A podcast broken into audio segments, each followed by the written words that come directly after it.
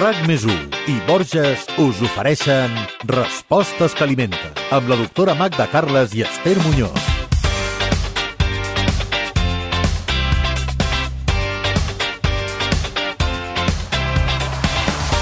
Tot i que el condiment més emprat a la nostra cuina és la sal, des de sempre el picant ha estat present. Els diferents pebres o aliments com els pebrots de padrón o l'all o el gingebre són picants. Ara bé, és saludable el picant? En pot menjar tothom? És veritat que prima? Aquestes i altres preguntes es tractaran en aquest podcast que de ben segur aportarà sabor a la teva dieta.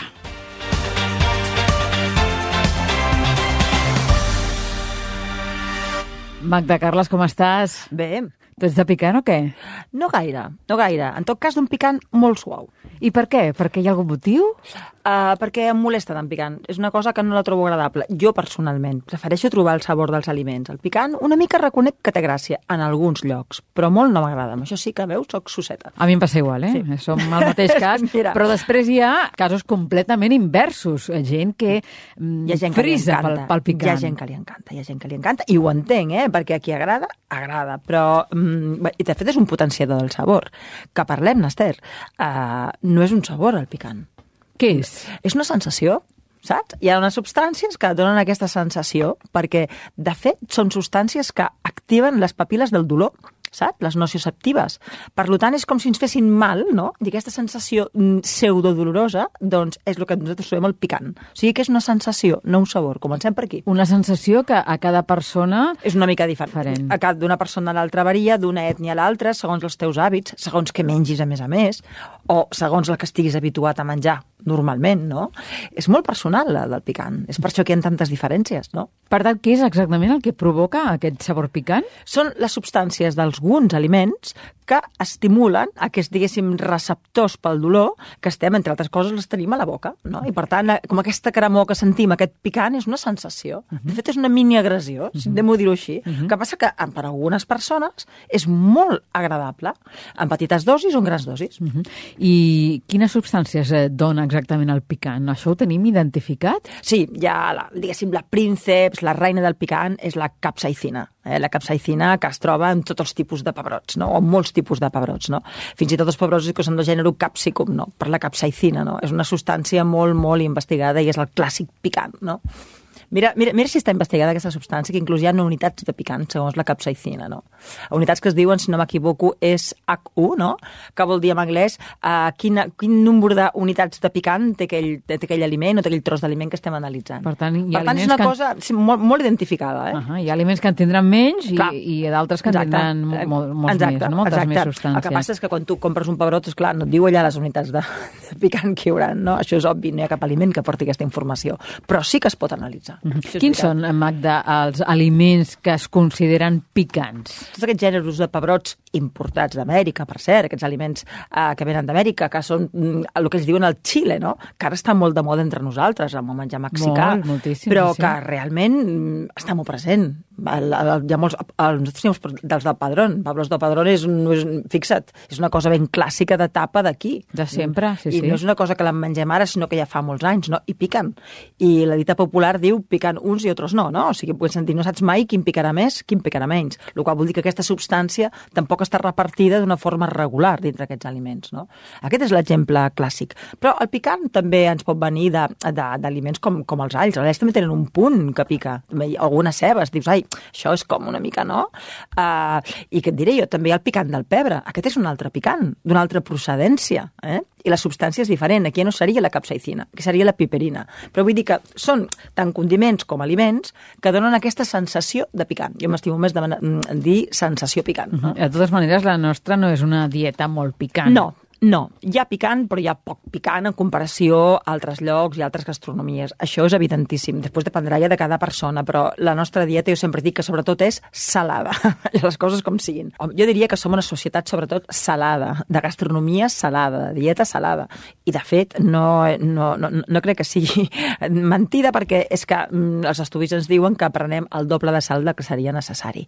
Imaginem-nos les paraules salari, el valor que ha tingut sempre la sal, la sal, lo present que està a la nostra cultura gastronòmica. Mhm. Nosaltres hi vam dedicar un podcast a la sal, Exacte, eh? és que se mereix un podcast i més d'un. Uh, I fins i tot quan veiem, per exemple, alguns cuiners per la tele o per... Imaginem-nos la quantitat, no imaginem-nos, eh, repassem la quantitat de sal que posen a cada plat. De fet, no hi ha ni un plat que no hi posin sal. Estem d'acord o no? Sí, de fet també ho fan no, per conservar també aquests plats, d'alguna manera. I perquè potencia el sabor, perquè una cosa que hi poses una mica de sal, doncs tots els sabors que hi ha allà reunits queden més intensos. Mm -hmm. És que és un potenciador, la sal. I això ho notes molt, eh, això, el que tu dius, no? quan vas al restaurant, tant, quan tu cuines a casa no passa no poses això. tant, no poses tant. Jo crec que, jo sempre dic quina diferència hi ha entre un bistec a la planxa de casa o del restaurant és el grau de sal. -huh. Va, tornem al picant. Eh, parlàvem de, de si es pot mesurar o no el picant. Exactament quina és la resposta? Doncs que sí, que hi ha unes unitats que són la SHU eh, i que segons els grams de capsaicina que hi hagin, doncs hi haurà més unitat o menys. Evidentment, els humans no podem ingerir un número il·limitat d'unitats de picant, perquè seria nociu per nosaltres, molt nociu. Eh, però és veritat que no anem comptant tampoc, normalment. Un no diu on dongui uns pebrots amb 10 unitats de, de picant, eh que no? no? Doncs ja està, això es fa amb estudis experimentals, amb anàlisis, però no, se sap que això existeix i realment es mesura el picant, però habitualment, quotidianament, no ho fem. -huh. I aquí la tendència és molt clara, no? Les persones eh, que són molt fans del picant ja busquen aquests aliments amb sí, aquesta substància sí, i els que, que no, sí. tot el contrari, els Exacte. intentem evitar de, de totes sotes. Eh, Fixa que hi ha persones que si la, el menjar no està molt condimentat, el troben soso. És igual que el menjar sigui de qualitat. Vull dir, és igual que aquella mongeta tingui gust de mongeta. El troben soso. Fixem-nos també que hi ha persones que en el restaurant, que és allà on podem veure com mengen els altres, no? que eh, a vegades porten el plat i abans de provar-lo ja hi han posat sal i pebre. Sí, Ho has vist mai, Esther, sí, això? És, és un sí, sí. clàssic, Ho eh? vist, ho he ja ho vist, han sí, sí. condimentat i jo penso, Sí, com sí, saben sí, sí, sí. si això no quedarà massa picant o massa salat o massa condimentat? Si encara no ho han provat. Però això hi ha molta gent que ho És fa. un hàbit, és un hàbit. És un hàbit, és un hàbit i és, i és una necessitat també, diria jo, no? Que hi ha gent que per, per gaudir del menjar té que ser molt, molt intens de sabor. Uh -huh. Anem amb, amb preguntes eh, bàsiques sobre aquesta qüestió que avui estem tractant, que és el tema del picant. Jo tinc dubtes, com per exemple, Magda, si és millor posar pebre que sal als plats. Tu què creus? No, jo crec que és millor posar pebre. És millor posar pebre pel tema que tots sabem que la sal, primer que tenim tendència a prendre'n massa de sal. Segona, que molts aliments ja en porten de sal. Especialment els que, els que estan manufacturats, diguéssim. Els que no són naturals, no? Les llaunes, els encurtits, tot el que és de paquet, les salses, els precuinats, tot això ja en porta de sal, habitualment, eh? I, i, i tercer, que clar, que, que el picant també, també potencia el sabor i amb poc picant tu allò també tens un plat molt interessant. Per tant, a mi em sembla molt millor el picant que no la sal. Això no vol dir que sal zero, però vol dir que el picant ens pot ajudar a que hi hagi menys sal, amb la qual estava perfecte. Uh -huh. a, a banda d'aquest benefici, quins altres beneficis ens aportaria el pebre? Doncs mira, uh, amb això hi ha molts estudis i no sempre tots coincideixen. Uh, vull dir que no, no tots diuen el mateix. Però el primer, òbviament, jo que trobo més, més contundent és que agrada i que fa que perdem menys sal. Això per mi és importantíssim. Però després també es diu que ajuda a fer la digestió. Ull, sempre serà depenent de quina dosi, eh? Una mica de picant ajuda a fer la digestió. Si és molt picant, és més indigest, eh? Això no... no I quan dius una mica, què hem d'entendre per ser una un mica? sabor molt, molt, molt poc. Molt poc, esclar. Aquest poc què vol dir? Doncs mm, la quantitat mínima, mínima. Eh? I després també dependrà de la teva pròpia sensibilitat al picant. Però diguem que poc, val? Uh, per tant, un té un cert poder digestiu. Té un poder antisèptic. Es diu eh, que els picants a vegades ajuden a, a desinfectar, entre, entre cometes, els, els, els aliments. I fins i tot, mira, el picant del gingebre ajuda molt amb el mal de coll, Ah, no? amb les petites veritat, infeccions sí, sí. de mal de coll. Això és un clàssic i també es funciona. Tu prens una mica de gingebre, amb aquell Sí. picant que és un gust mm, peculiar, i és veritat que les irritacions del coll eh, milloren. Netegen. Sí, d'alguna manera, per tant, això algú hi ha de veritat. Però és que, a part d'això, també hi ha estudis que demostren que, mm, diguéssim, eh, alteren la temperatura corporal, et fan suar els picants. I dius, com pot ser? Perquè, Esther, un dels països que més, les latituds on més es, es pren picant, és les que fa més calor, que és on hi ha més espècies, i és allà la cuina està més condimentada. Però, clar, té el seu raó de ser. I és que quan jo suo, em baixa la meva temperatura corporal. És a dir, el suar és una forma de termorregulació. Si jo trec aquesta suor, a l'evaporar-se aquesta suor, la meva temperatura baixa. Per tant, això és bo? Això és bo. Quan fa calor, això és bo. Però vull dir que és un efecte que té. Per altres persones també, amb algunes persones sobretot, els hi fa crear endorfines. Per això s'enganxa tant al picant. Hi ha gent que els fa sentir molt bé molt bé, molt bé, molt bé. Però és que no només això, es veu que també és un protector del sistema cardiovascular. Que dius, carai, tu, pues sí que, sí que, sí que en té de coses, més efectes antioxidants. De fet, hi ha estudis, però sempre estem en l'univers dels estudis, eh? Doncs que demostren que les persones que prenen picant cada dia doncs tenen com més longevitat. però això ja t'ho dic, eh? Alguns estudis. Per tant, en termes generals, jo diria que prendre una dosi suau de picant és favorable. Estic- mira. vamos, jo, jo diria clarament. Avui estem descobrint Sí. doncs, una part del picant que desconeixíem, Sí, sí. perquè té una altra etiqueta. Però jo et diria, si això substituís la sal, és així, si això fa que prengui més sal, i també un picant suau. Per què? Perquè aquí hi ha l'altra cara de la moneda, i és que pels estómacs delicats, per la gent que té colitis, per la gent que a vegades doncs, té eh, digestions complicades, cuidado amb el picant, perquè això també pot anar en contra. No? Se'ls hi pot fer com molt més, els, els pot complicar la digestió, els hi pot irritar, pot fer més gastritis. Per tant, fixa que la dosi sempre surt al final. El que poc picant pot ser un benefici, a molta quantitat per a algunes persones pot ser perjudicial. Uh -huh. Per tant, per això et dic, el picant sí, sempre i quan sigui mínim, sempre i quan sigui suau.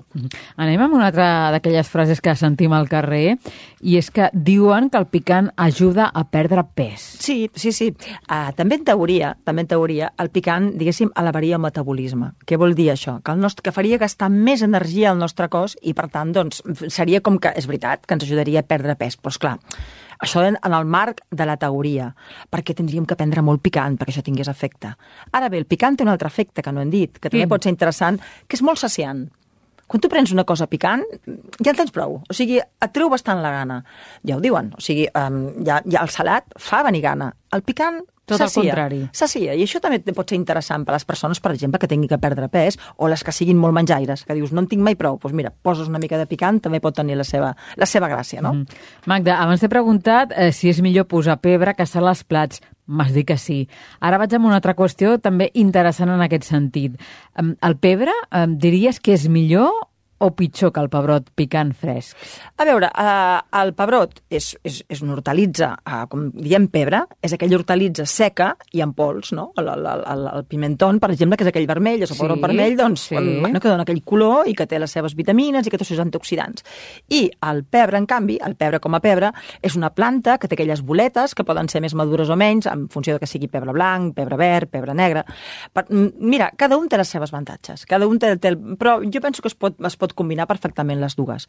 El, els, el que procedeix del pebrot tindrà més antioxidants i, el, i potser el pebre no té tants nutrients i té més minerals, per dir-ho d'alguna manera. Però les dues coses estan molt bé. Per tant, no n'hi ha un estan millor que l'altre, I et diré eh? una cosa, és veritat que el, el picant procedent dels pebrots doncs ha sigut una cosa que s'ha fet servir a partir del descobriment d'Amèrica. No? Òbviament, perquè el pebrot ja sabem que ve d'Amèrica, no? Però el picant del pebre, aquí es feia servir aquí a Europa. Vull dir que són dues procedències del picant diferent, però que les dues tenen avantatges. Uh -huh. Ens parlaves ara d'aquestes eh, diferents varietats que trobem al mercat dels pebres. Eh, entre elles hi ha realment diferències? poquetes. N'hi ha, ha de sabor, n'hi ha de sabor segons la, segons la, la, la, la, la, la procedència, però realment el valor... Tipus, pensa que quan posem pebre en posem tan poc que realment, clar, quin valor nutritiu pot aportar allò? Diu, sí, mira, té magnesi, val, té una mica de calci, té una mica de ferro. Però, És clar, mínim, és mínim. Però clar, és que quan te'n poses de pebre? És que potser no arriba un gram.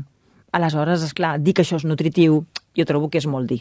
Magda, hi ha algú que no pugui prendre picants, que ho tingui prohibit?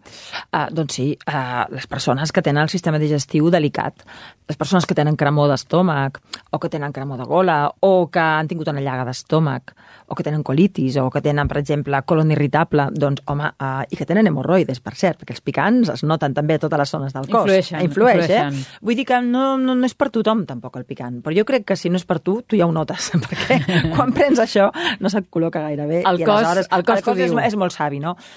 Jo insisteixo, és una cosa que pot ser positiva en petites dosis i sobretot si això fa que prenguis menys sal. Aquí està la gràcia, no? El balancejar això de dir, bueno, prenc picant i eh, així això fa que les coses siguin menys salades, perquè si algú tenim clar és que en prenem massa de sal. Uh -huh. Què passa si a casa, per exemple, tenim una criatura a la qual li agrada molt el picant, o, per exemple, una persona gran? Home, que la seva capacitat doncs, d'assumir aquest picant és menor, tant si és molt gran la persona com si és un nen. Per tant, doncs jo, un nen al picant jo no li donaria fins que tingués ben bé 4 o 5 anys, eh?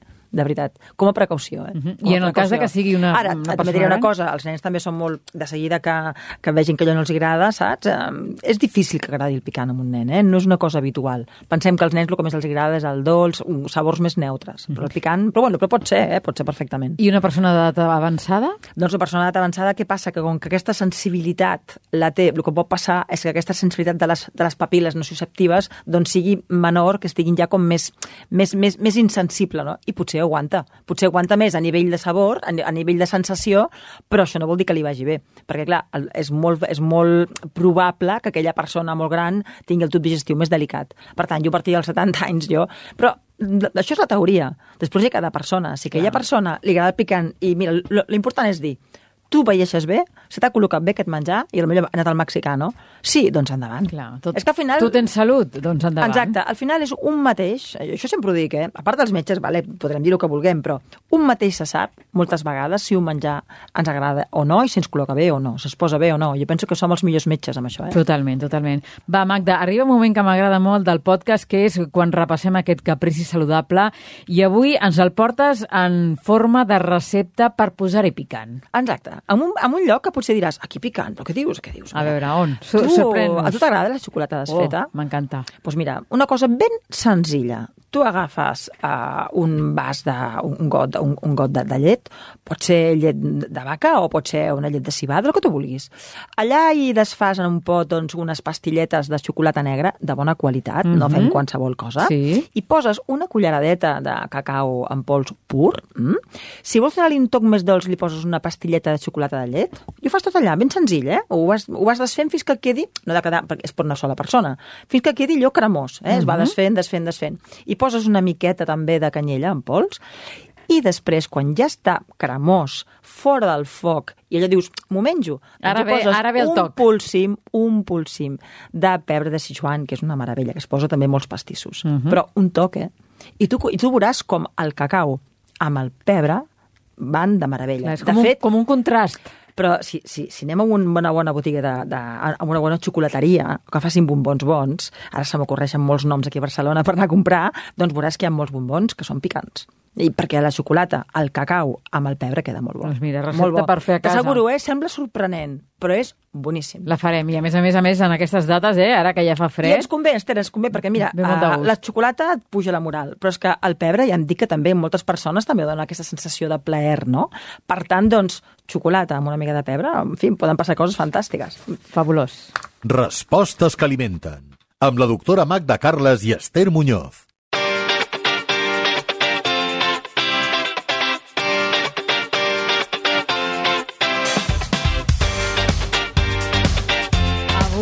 Aquest 76è podcast ens estem preguntant si és saludable menjar picant.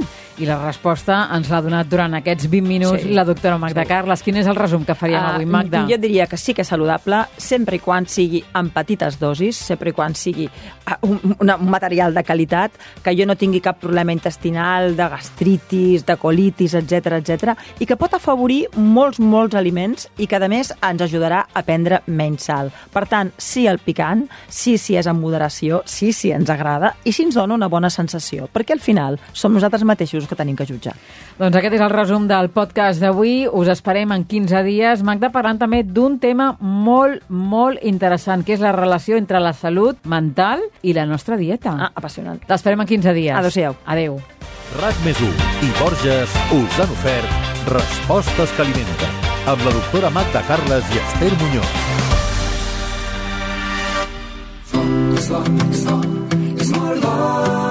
Cuidar-se és el més important. A Borges sempre et portem els productes més naturals perquè cuidem la terra que ens els ofereix i els elaborem de la manera més sostenible possible, com la nova ampolla d'oli feta en plàstic reciclat. Borges. Que bo que és